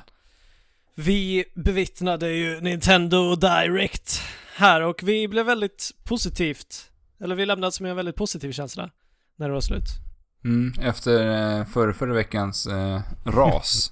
ja, det där med Pokémon. Ja, Eh, Nu, alltså det blev ju genast ännu märkligare nu. Ja, varför sparar de bara inte det till den här Nintendo jag Directen? fa- jag Ja. förstår inte det. De kunde det- bara haft den på slutet. Ja, men det hade ju att göra med att eh, det var den dagen Pokémon fyllde år. Ja, Men- ja. mm. Men ja, skitsamma. Vad tyckte ni var bäst här då? Mm. Jag skulle ju säga Monster Hunter Generations utannonseringen. Ja, den var ju fet. Mm, det Ja. säger ju nog alla tror jag. Ja. Alla som har lyssnat på den här podden vet ju att vi älskar Monster Hunter. Vi älskar att jaga.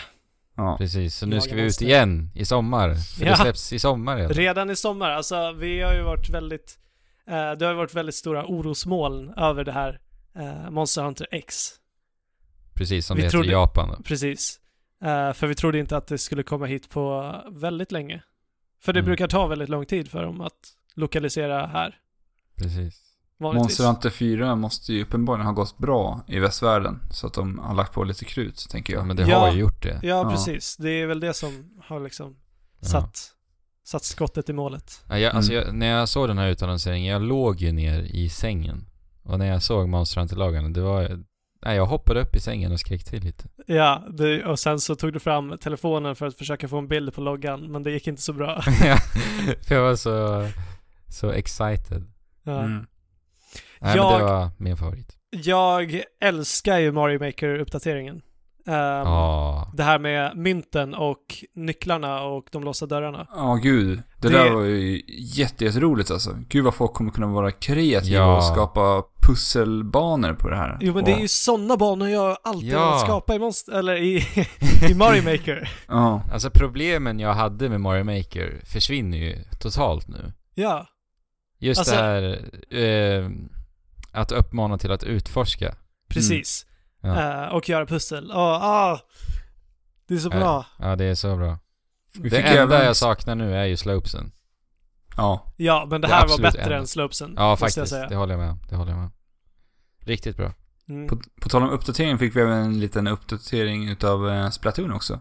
Ja, Det just. tycker jag var himla roligt för att det t- hade jag inte förväntat mig. Jag trodde de var klara med Splatoon nu. Mm. Jag, Nej, det var har kul uppenbarligen att inte, se. jag har inte Mm. spelat det på väldigt länge nu. Nej, inte heller. Mm. Så de hade gjort lite balanseringar på vapen och sånt där. Och Precis. sen var det några special eh, vapenpaket man kommer kunna köpa och lite annat smått och gott. Mm. Vi får försöka, försöka återuppta eh, Hammarbröders Splatoonsta kanske, här framöver. Ja, Mm, det Det vore vore ju kul. Mm, kul. faktiskt. Jag gillar Splatoon, men Ja. ja, det är för Ja. mycket Street Fighter just nu. Sen tycker jag det var kul att man fick, eh, att vi fick en utan, ny utannonsering.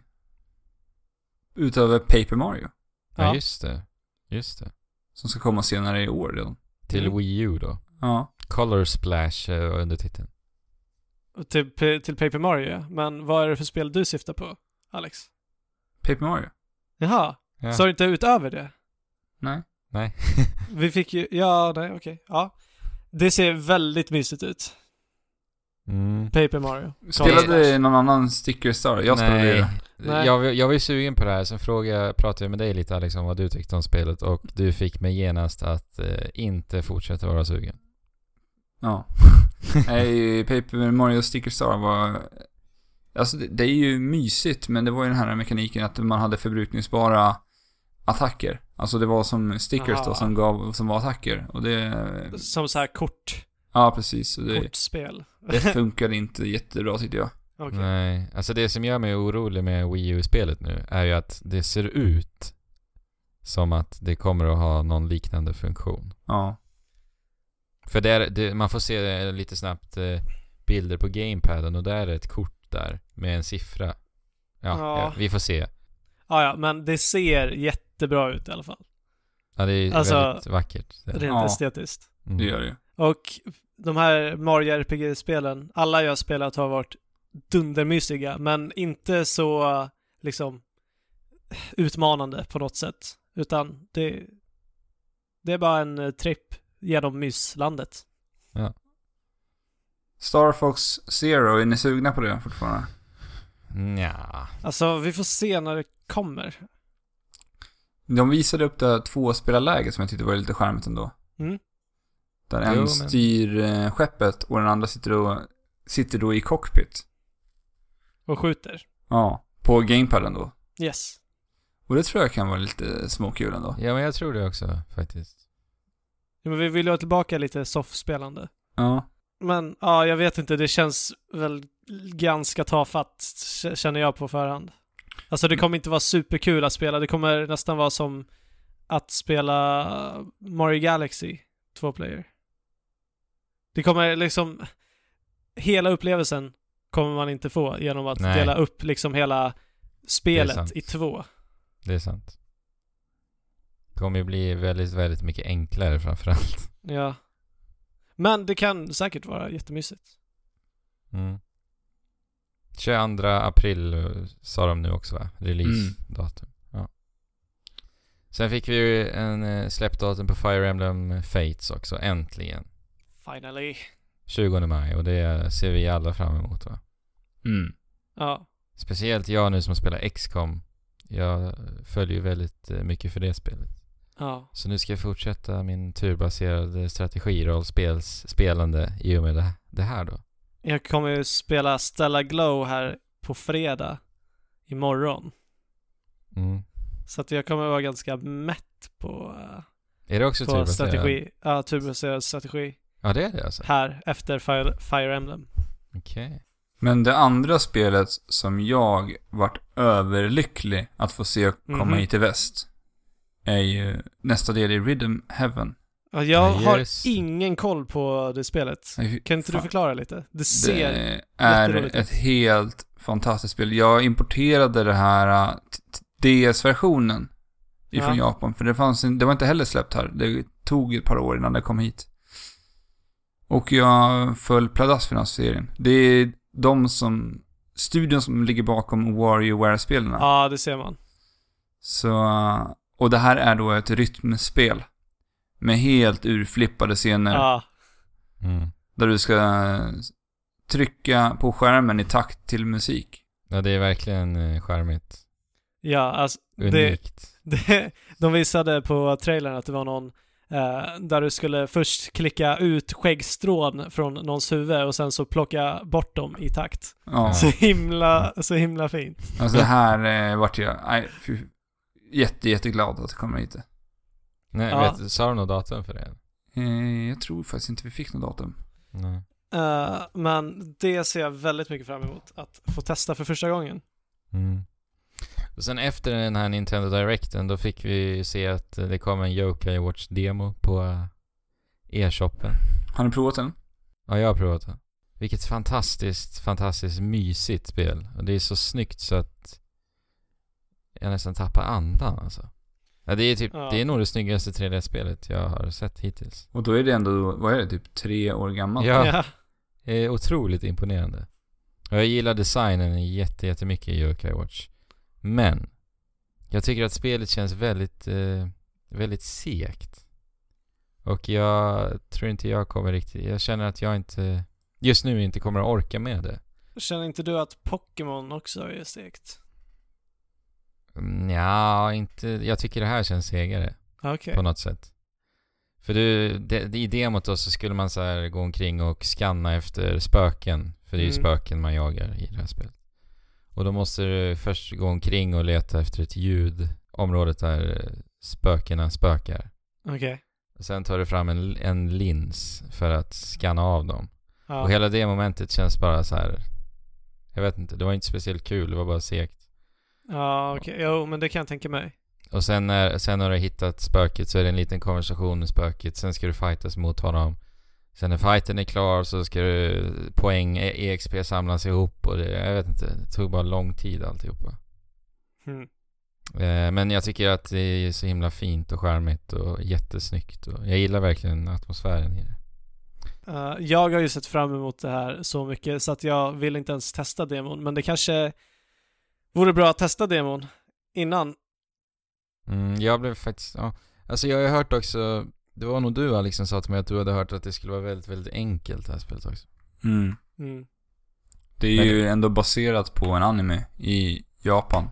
Mm, Men- Kom och, animen eh, först alltså? Ja, Jag tror att de släpptes egentligen samtidigt. Jag är inte helt Ja. hundra på det, men jag har för mig att de släpptes parallellt. Mm. Men Pokémon är ju också väldigt enkelt. Ja. Ja, om man ska det är jämföra. det. Det är det ju faktiskt. Men jag, jag provade också faktiskt Hyrule Warriors-demon. Hyrule Warriors Legends. Ja. Hur kändes det då? Och eh, det kändes riktigt bra faktiskt, måste jag säga. Eh, ni båda har spelat eh, Mm. Wii Yes. U-spelet. Ja. Och det här Wii U-spelet är ju inte speciellt snyggt för att vara ett Wii U-spel. Håller ni Nja, med? mig? det är ju så Mm. mycket som händer liksom. Och Det Ja. känns ganska avskalat i all action liksom. Ja. Och jag, så jag tycker nästan att det här spelet faktiskt gör sig bättre på 3DS. För att det är lite så här cell-shaded grafik och Aha. det, och det funkar att spela riktigt bra faktiskt. Så ja. Ja. jag blev faktiskt eh, överraskad över hur, hur bra det kändes och hur snyggt det var. Ja, och sen så, någonting jag anmärkte eh, när, när de visade det där, är att man kan byta karaktärer i realtid när du spelar. Det kunde man inte på Wii U-versionen. Och varför kunde man inte det? Det var min största frustration Ja, det är i också Wii en- U-spelet. Nej, det var det första de tog upp i mötet. Bara, vad gjorde vi fel i Wii U-versionen? Ja, Ja, men det är, det är också ett riktigt bra tillägg till det här. ja. Vi Ja, håller, det på att var det. missa, vi håller på att missa en eh, fantastisk utannonsering som på, de gjorde på den här directen också. Vad Att- är det för något? Att de släpper, nu släpper Super Nintendo ja, just till det. eh, Virtual Console på exklusivt för New 3DS då. Yes. Och det här är ju jätteroligt tycker jag. För, Ja. oss, för oss som har nu 3DS. Ja. Konst, konstigt val ändå att bara släppa till New 3DS. Det borde ju ändå funka lika bra på en Ja. 3DS kan jag tycka. Ja, det är väl bara för att f- ge folk en anledning att köpa ny 3DS. Ja. Men alltså hur många... Jag börjar bli lite trött på det här Virtual Console-släppen ändå alltså. Men det, det är ändå det här jag har väntat på. Att få spela de här eh, portabelt. Alltså Ja, kunna spela just. nu. Nu, jag har ju sagt att jag aldrig spelat Super Metroid. Men jag kommer definitivt just att det. göra det nu. När det finns till 3DS. Ja, det Ja. är ju fantastiskt. Och ja, många som har eh, det 3DS har, är, är ju så pass unga att de inte ens har spelat de här spelen. Så att, Men de har ju förmodligen inte nu 3DS då, eller? men många har säkert det. Nej, jag Och vet de, inte. kommer, de kommer säkert i framtiden att skaffa det. Ja. Men Ja, jag men vet alltså, inte. saken med Virtual Console det är ju att nu släpper de det här till nu 3DS. Ja, Och sen o- om NX nu visar sig vara en hybrid, då kommer de ju släppa det igen. ja, ja. Eller så- alltså de kommer ju bara fortsätta släppa den på nytt hela Typ. tiden. Ja, det, kän, det känns ju väldigt trött att liksom köra på så pass gamla titlar. Men å andra sidan så ger ju Alex här en möjlighet att spela Super Metroid och mig en chans att spela Earthbound. Ja, och jag eh, kommer ju säkert åka i den här fällan också, för jag är lite sugen på att spela Super Mario World bärbart också. Ja, Mm. Men man kan ju hoppas på att de eh, i slutändan länkar ihop de här köperna på det här eh, som de kallar för Vad är Magnus det? My Hedberg. Nintendo. Yes. Precis, det är det, vi pr- diskuterade ju det där när NX blev eh, utannonserad till, till och med. Mm. Och det får vi hoppas på. Ja, Precis. då, då hade det varit nice att du bara köper det en gång och sen kan du spela det lite här och var. Ja. De skulle ju kunna göra någon form av hyrtjänst också. Att du Ja. betalar en viss summa i månaden eller något. Så har du tillgång till hela Nintendos historia i princip. Ja, det hade ju varit helt sinnessjukt. Ja. Alltså, det är inte många megabyte hela liksom NES, SNES går på. Nej. Nej. Mm. Ja, det var det. Ja, vi har en liten tävling hörni gubbar. Mm. Vi, ja. Och det är du som står för den då? Ja, precis. Och jag tänkte eh, att vi kör en gammal hederlig baken på boxen idag. En gammal hederlig baken på boxen. Ja. Har vi eh, den gamla hederliga baken på boxen introt också? Ja, den ligger kvar tror jag. Ska vi köra den? Ja, det är klart gör vi vi kör den. Okej, här kommer den.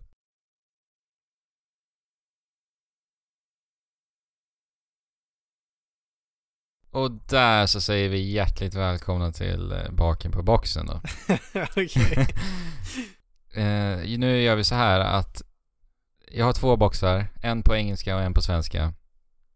Ni får hur många gissningar på er som helst och ni gissar varannan gång. Och när någon av, vet, någon av er vet svaret så säger ni ert namn, skriker ni ert namn snabbt. Okej, så att, så att vi bollar bara. Vi, Precis. ja. Så att det inte blir så segt. Ni bara bollar fram och tillbaka. Kan ni det, namn, säg vad det är. Och sen får du poängen. Ja. Är det klart? Yes. Okej. Måste jag repa på engelskan här. Okej. Eh, box nummer ett. An ancient threat returns. One final hope emerges.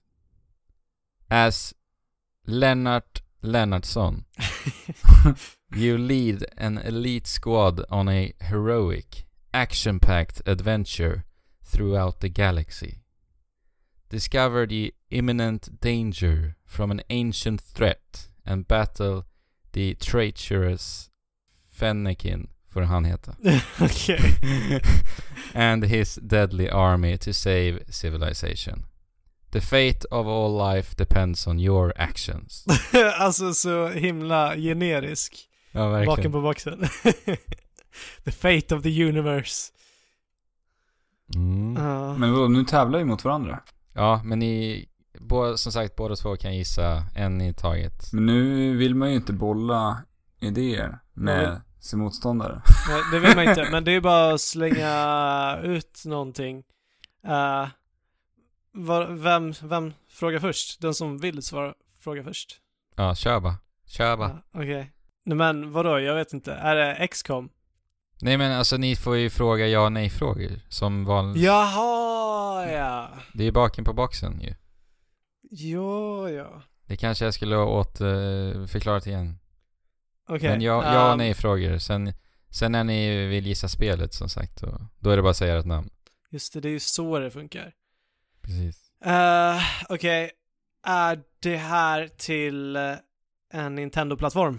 Nej. Är det multiplattform? Ja. Släpptes det här spelet efter 2000? Ja. Är det 360 PS3-eran? Ja. Är det ett RTS? Nej. Nej. Är det från Japan? Nej. Är det ett FPS? Nej. Är det ett RPG? Ja. Sa du... Kan du läsa lite på boxen igen? As Lennart Lennartsson, you lead an elite squad on a, on a heroic action-packed adventure throughout the galaxy. Alex? Ja. Mass Effect? Jajamän! Ja, det är ju klart Fan. det är Mass Effect. Bra Alex, en poäng till Alex. Om det blir lika, Mm. hur gör vi då? Ja, det... Då Borde- singlar vi slant. Då singlar vi slant. Okej. Eh, Okej, här kommer box nummer två då, den är på svenska. Herrarna på Sesses AB har varit väldigt, väldigt snuskiga. Oj. Dagen efter hans våldsamt galna 21-årsfirande. Lennart kämpar mot den värsta bakfyllan någonsin. Oj. och han verkar inte kunna finna vägen hem. Förbered dig på att stappla genom kåta, ovårdade, skrovliga scenarion fullproppat med dåligt uppförande, Fabian. skruvad humor och Ja, grafiska jag vet också. kroppsfunktioner. Fabian, Ja, Leisure Suit Larry. nej. Nej. Såvida du inte är ett fan av våld, fult språk och sinnesretande anspelningar bör du inte se hit. Alex, Ja? No More Heroes. Nej? Då får vi fråga frågor. Fråga på. Eh, är det här spelet släppt till den här generationen? Nej. Är eh, släppt till den förra generationen. Nej. Alex, Ja? jag har en gissning. Ja, gissa. Eh, Conquers Bad Fur Day. Jajamensan! Ja, det är ju klart det är det! Bra. Just det. Ja, då vann jag Alex. Det be- slapp bli s- slantsingling va? Ja. Ja, det var ju skönt. Grattis Alex! Ja, tackar, tackar, Det är ju tackar, klart. tackar. det, Conquers är, Bad Fur Day. det är ju klart. Jag har inte ens spelat det. Så ställningen i vår interna tävling är nu 2 till Andrew, 0 till Fabian och 1 poäng till mig. Ja.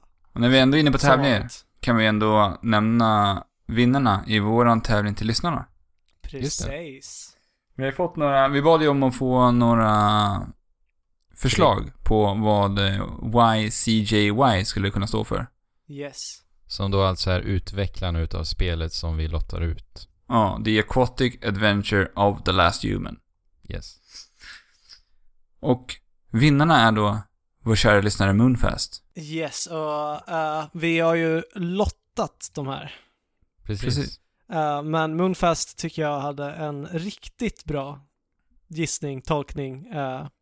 Okej, hans bidrag var följande. Om man vänder Y, C, J, Y upp och ned så ser de bägge Y'en ut som två tält. J ser ut som en käpp, en sån här vandringskäpp. Och C ser ut som en ostbåge. Så han tror att YCJY är en varning om att mänskligheten inte skärper sig kommer vi alla tvingas bo i tält när vi blir gamla och leva på snacks. Ja, riktigt bra. Mm, den var Kre- kreativ. Ja, verkligen. Och sedan den andra vinnaren då är Venerable Rain. Ja. En kär lyssnare även där. Mm. Och hans bidrag var You can just yell. Och sen så, sen så ursäktade han sig för vad dåligt det var. Förlåt. Ja, det kanske inte var världens bästa. Men du vann i alla fall för att det här var ju som sagt en lottning. ja, Så, Så- grattis till er gubbar. ni Så, kommer få en kod på brevlådan. Din virtuella, era virtuella brevlådor. precis. Här inom kort. Nu rör vi oss till lyssnarnas frågor. Jajamän. Då har vi eh, frå- en fråga från Anton här, Abirsh. Som frågar, vilken fiktiv armé, militärorganisation från alla världens spel skulle ni helst vilja slåss för? Skulle vi helst vilja slåss för? Oj. Eh, jag skulle vilja slåss för Gears. Det är så alltså? Ja, då får jag ju vara bredvid Marcus Phoenix liksom. Ja, det vore ju coolt. det skulle se väldigt tunn ut. Nej, rustningen väger upp det. Ja, Okej. Militär... Jag skulle nog slåss för The Minutemen från Fallout 4. Mm. Okej. Men vänta nu, Gears heter de inte. De heter ju COG. Ja, Just just det. det. Ja, strunt samma. Ehm, alltså, jag, jag fascineras väldigt mycket av eh, rymden. Och en av mina stora drömmar är om att få uppleva rymdfärd. Mm. Så att jag skulle nog vilja slåss i N7 när vi nu talar Mass Effect. Och flyga på The Normandy. Precis. Ja, det hade varit häftigt. Lite jobbigt att leva under tiden då The Reapers är och Absolut. härjar dock. Men Absolut, men man skulle ju vara med och kämpa för det och inte sitta och skaka under något bord någonstans. tror du att du hade kunnat bidragit Ja, något gott? absolut. Okej. Någonstans. Jag kan städa golven. Jag kan Ja. bädda sängar. Men vi ska ju slåss för dem i militärstyrkan ju. Ja, Du kanske hade strykt med i första slagfältet? Eller? Nej, Men det är inte så att du hade haft bättre förutsättningar om du hade s- Nej, nej, men slagits jag i valde ju Cogs. Gears. Tror du inte det? Nej. Jag har ju spelat Gears i flera... Timmar. ja. I flera timmar. Det är bra. Du kan ju din active reload. Ja, jag menar det. ja. Ja. ja, det är sant. Men Fallout sa du Alex. Ja, The Minutes Men från Fallout 4. Vilka är det då? Det är de här eh, som ta, försöker ta och bygga upp hela ödemarken igen. Ja, du älskar ju postapokalyps. Kap... Oh, ja. Svårt ord. Postapokalyps. Apokalyps! Postapokalyps. Fan! Det, Det här ordet har ju vi snubblat på väldigt många gånger i den här är podden. konstigt. Det brukar inte ske så när man inte poddar. Eller när jag inte poddar. Postapokalyps. Fan! Apokalyps. Nej. Postapokalyps. Ja, vi rör oss ifr- ifrån Ja. postapokalypsmen mot nästa fråga. Ja. Hej kära Trekraften. Denna vecka tar jag upp kvinnliga huvudkaraktärer. Det är ju passande för idag är det faktiskt internationella kvinnodagen när vi spelar in. yes, när vi spelar in. Inte Ja. när ni lyssnar på det här. Hur Så. ser ni på det? Går utvecklingen åt rätt håll? Tar det för lång tid? Har ni några skräck- exempel och några föredömen? Och så säger han, ta hand om er och låt käftarna glappa. Ja, men Så ska tack vi göra. så mycket anonyma frågare. Tack, tack, tack. Eh, ja, alltså det går ju definitivt åt rätt håll från att inte ha sett några som helst kvinnliga protagonister. Så har vi det. Jag tycker att det har gått jättefort fram nu de senaste åren. Det är ju det. Men det är ju också på senare åren det har blivit aktuellt. Ja, Men det är ju det är ju riktigt, riktigt starka kvinnliga kar- karaktärer också vi har fått se. Mm. Inte Vilka, bara... Vad sa du? vilka tänker du på? Jag tänker ju framförallt på Ellie i The Last of Us. Eller ja, riktigt stark. Mm. Sen, sen så när vi väl snackar om Beyond Good and Evil, så Mm. har vi en kvinnlig protagonist där. Mm. det var det jag tänkte ta upp som, när han sa några föredömen där. Ja. Så jag tänkte på, jag tänkte på frågan under dagen och tänkte just på Jade ifrån Ja. Beyond Good and Evil. Ja, precis. För att hon eh, porträtteras bara som en cool karaktär. Ja, Precis Mm. så som manliga karaktärer gör. Inte sexualiseras som det tenderar att göra lite. Mm. Ja, hon är Ofta. cool faktiskt. Midna är bra också. Ja, sen den nya Lara Croft. Kan jag tycka är hund, hundra gånger bättre än, Än hur hon var tidigare i alla fall, ja. ja. ja. än hur hon var. Ja, jo, kanske. är jo, hon men, det, jo, absolut. men det, det är hon ju. Ja. Det är hon ju. Det är hon ju lätt alltså. Ja. Men, eh, ja, fort, fortfarande. Jag vet inte. Jag tycker inte om l- nya Lara Croft riktigt. Säger Nej. du inte har spelat det? Jag har spelat första Tomb Raider. But you have not played Men Rise alltså, of the hörni, Tomb Raider. Jag, Ja, strunt samma. jag, s- jag ser fram emot eh, den dagen vi kommer få se alltså spelkaraktärer som har kroppsliga, vad ska man säga, avvikelser. ja, alltså att bara visa att det är människor. Och att Ja, människor s- ser, all- alltså ingen är perfekt liksom. nej, till exempel jag har ju, har ju pigment på min hud. Ja, Eh, bara en sån sak. Det skulle vara häftigt att få, att få se något sånt i något Ja. spel. och jag tycker sånt är vackert. Ja. Eller, eh, ja det kan ju vara, Jo, jag, Överviktiga... ja. Sko- jo absolut.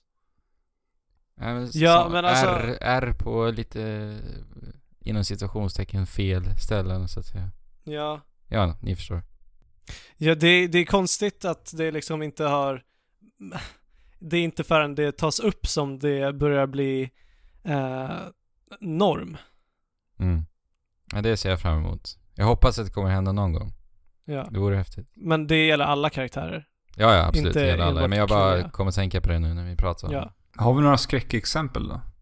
Som vi kom på nu. Alltså Armika i Street Fighter 5. Ja.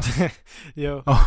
Ja, shit vad hon ser ut alltså. Men å andra sidan så är ju alla karaktärer i Street Fighter 5 over the top, även de manliga. Ja, men de är, precis. det är ju Det är karikatyrer ju- allting liksom. Ja. Men ja, skillnaden kom väl in där just i sexualiseringen och vilka vinklar man ser det ifrån. Jo, precis. Men hur ser ni på Bayonetta? Vad tycker ni om Bayonetta? För det är ju en sån karaktär som ofta kommer upp i sådana här diskussioner. Alltså, Mm. jag tycker ju att hon är ganska osmaklig. Eller väldigt osmaklig. Uh, enda anledningen till varför jag gillar Bayonetta är för att det är ett så tajt spel.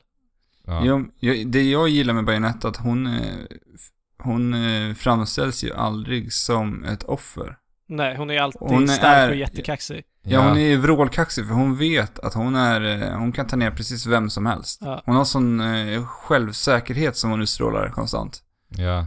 Det är nästan som att hon använder sin sexighet som ett vapen också. Jo. Precis. För att hon vet att... Att det går att använda som ett vapen.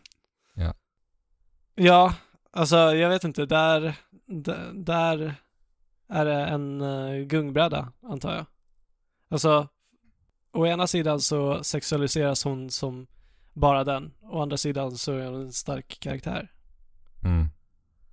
Ja, vink, kameravinklarna i det spelet är väldigt osmakliga. Ja, de är ju Ja. osmakliga men de känns ju ändå också komiska. ja, ja. Så är Men det. fortfarande, det är, det är osmaklig komik. Ja. Det är det. Tycker jag. Men alltså, ja, alltså karaktärer. Jag, jag tänker på Xenoblade. Mm. All, alla, m- men där, det, det är ju massa bikaraktärer som alltid ska vara sexiga och alla alien-raser, de kvinnliga delarna, ska alltid vara klädda sexiga. Mm. Det tycker jag är fruktansvärt. Det är Japan. Men det är Japan, som sagt. Men Alex, Life is Strange, har inte de ganska starka... Jag har hört mycket om det. Jo, det har de verkligen. Ja, och protagonisten i The Flame in the Flood är också kvinnlig. Be- man spelar Beyond, som. Beyond Two Souls, huvudkaraktären verkar också rätt häftig.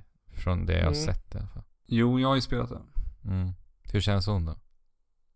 Jo, alltså man får ju, i det spelet får man ju följa hela hennes uppväxt. Så man får ju se hela den här, eh, från att hon är en barn och växer upp och det är ju ganska häftigt. Får vara med hennes liv, egentligen. Men Mm. jag och se när upplever, hon mognar och... Det, ja, jag gillar det jättemycket. men jag upplever det som att hon bara porträtteras som en människa, helt enkelt. Mm. Ja. Mm. Det är ju exakt det hon gör. Ja, Mm. och det är det, det, är det vi vill se mer av. Ja. Mer människor. Ja, då fick vi in lite grann. Så då tycker jag att vi hoppar över och rör oss mot sista frågan. Ja, det var ännu en fråga. Vad Det härligt. var en till fråga. Ja, och det var ju från våran vinnare i tävlingen då, Venerable Rain. Ja, i samma mail till och med.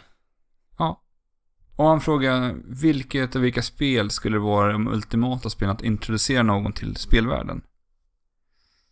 Eller ja, för...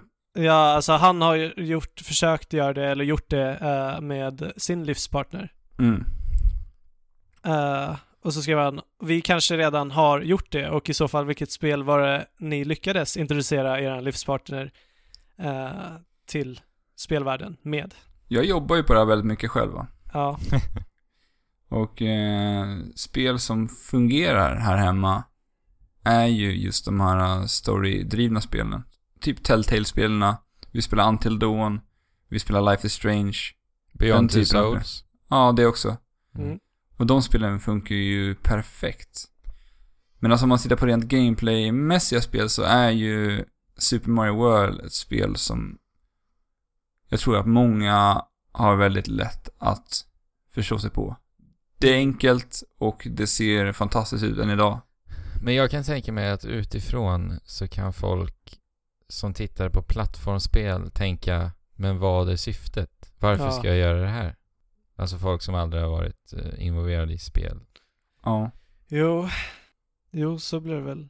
Så kan det nog väldigt lätt bli. Och det beror ju på om de har spelat någonting. För här hemma har det ändå funkat att spela liksom Mario-spel för att sambon min har ändå spelat lite när hon var yngre. Ja, Mm. ja men då är det inte helt främmande för konceptet. Nej. Men så att om man är helt blank, vad skulle ni säga? Alltså, den, typ- ty- den typen jag spe- s- spelen jag nämnde är ju väldigt lätta och eh, relatera till om man eh, så har kollat på film någon gång i sitt liv. Ja, För det, precis. det får man väl ändå förutsätta att man har sett en film någon gång under sitt liv. Jo, det är ju bra, men alltså jag tänkte lite på det här medan jag spelade Unravel. Faktiskt. Mm. Speciellt eftersom att vi bor här i Sverige och det är väldigt lätt att relatera till det spelet och det är väldigt känslo, känslomässigt porträtterat. Ja. Eh, samtidigt som det är väldigt l- lätt spelmekanik och gameplay. Jo men det är faktiskt... ligger Ja, någonting och i det är en gullig liten, liten garnfigur liksom. Det, det kan ju alla relatera till. Det kan nog vara jättemysigt att spela Mm, med ja. någon. Men frågan är då om man eh, ska introducera personen att spela själv.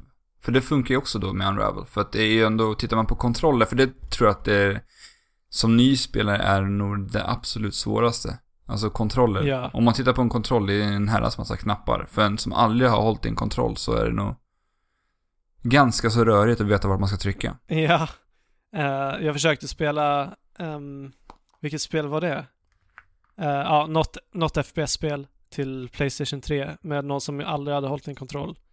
Eh, och den här personen bara så här fattade inte hur hon skulle hålla kameran rakt fram utan om hon eh, om kameran inte var rätt upp i luften så var den rätt ner i marken och liksom jag, jag kan inte relatera till hur svårt det egentligen kan vara. Nej. Mm. Jag ju- köpte ju Master Chief, inte Master Chief Collection utan eh, remaken på ettan till 360. Ja. Tänkte att det här ska jag spela igenom eh, min sambo.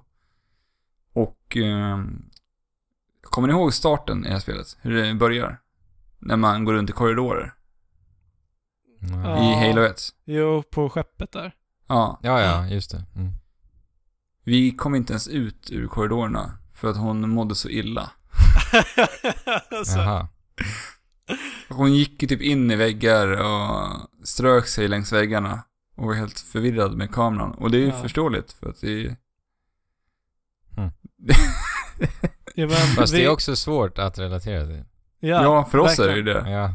Men, Jag har ju eh, spelat det hela mitt liv liksom. Ja. ja men men vi, hon, hon fick hoppa ur liksom. Det gick inte. vi försöker ju, f- försöker i alla fall introducera min syster för spel, Ja. Andrew. Ja. Men hon lever sig in så himla mycket i spelen så att hon, hon kan ju nästan inte spela. Nej. Hon får ju panik direkt. Ja, alltså så fort någonting jagar henne, det kan vara vad som helst. Alltså typ en liten blomma eller fjäril, så får hon panik. Ja, så fort någonting rör sig mot henne. Ja, ah, Precis. jo, så. Och Ja, jag men det, menar, det är häftigt att se ändå. ja, jag önskar att jag kunde leva mig in så mycket. Ja. Det är ju lite den känslan jag är ute efter när jag spelar, ja. ofta. Eh, Ah. Jag, jag spelade ju eh, Lara Croft med henne. ja, Det här, vad heter det, Temple of Osiris. Jag tror jag pratade om det i podden till och med. Ja. mm, du nämnde det nog. Eh, och det gick ju hem. Det är nog det hon har haft roligast med. Ja, det är ju bra för, för att man spelar tillsammans. Ja, Och lösa problem. Också ett ganska enkelt spel att förstå sig på. Ja, Mm. Alltså som nyspelare om man inte är så van med kontroller och sånt. Ja, det är en låst kamera, det är lite problemlösning men också lite action. Mm. Och som sagt, man spelar tillsammans då. Men jag Ja. tror att det kan vara ett bra spel. det tror jag också. Hoppas att vi fick fram någonting där i alla fall. Någonting lär vi ju fått fram i alla fall. Producerat med våra munnar. Ja, Och ska vi börja berätta vart man kan få tag på oss kanske? det kan vi göra. Vi har ju en mail, trekraftenpodd gmail.com Precis. och sedan finns vi som Trekraftenpodd på diverse plattformar, sociala plattformar, medior. Ja, Sociala medier, plattformar. Ja. Instagram, ÖSKFM, vi finns på Twitch, Facebook och allt det där kan ni hitta på trekraftenpodd.wordpress.com. Precis. Och släng jättegärna iväg en iTunes-recension till oss också. Det skulle vi bli jätteglada över. Alltid lika Verkligen. trevligt. och det är faktiskt ett av de lättaste sätten ni kan hjälpa oss att växa Precis. med en iTunes-recension. Och med det så tycker jag vi säger chip, chula, hopp. Hopp!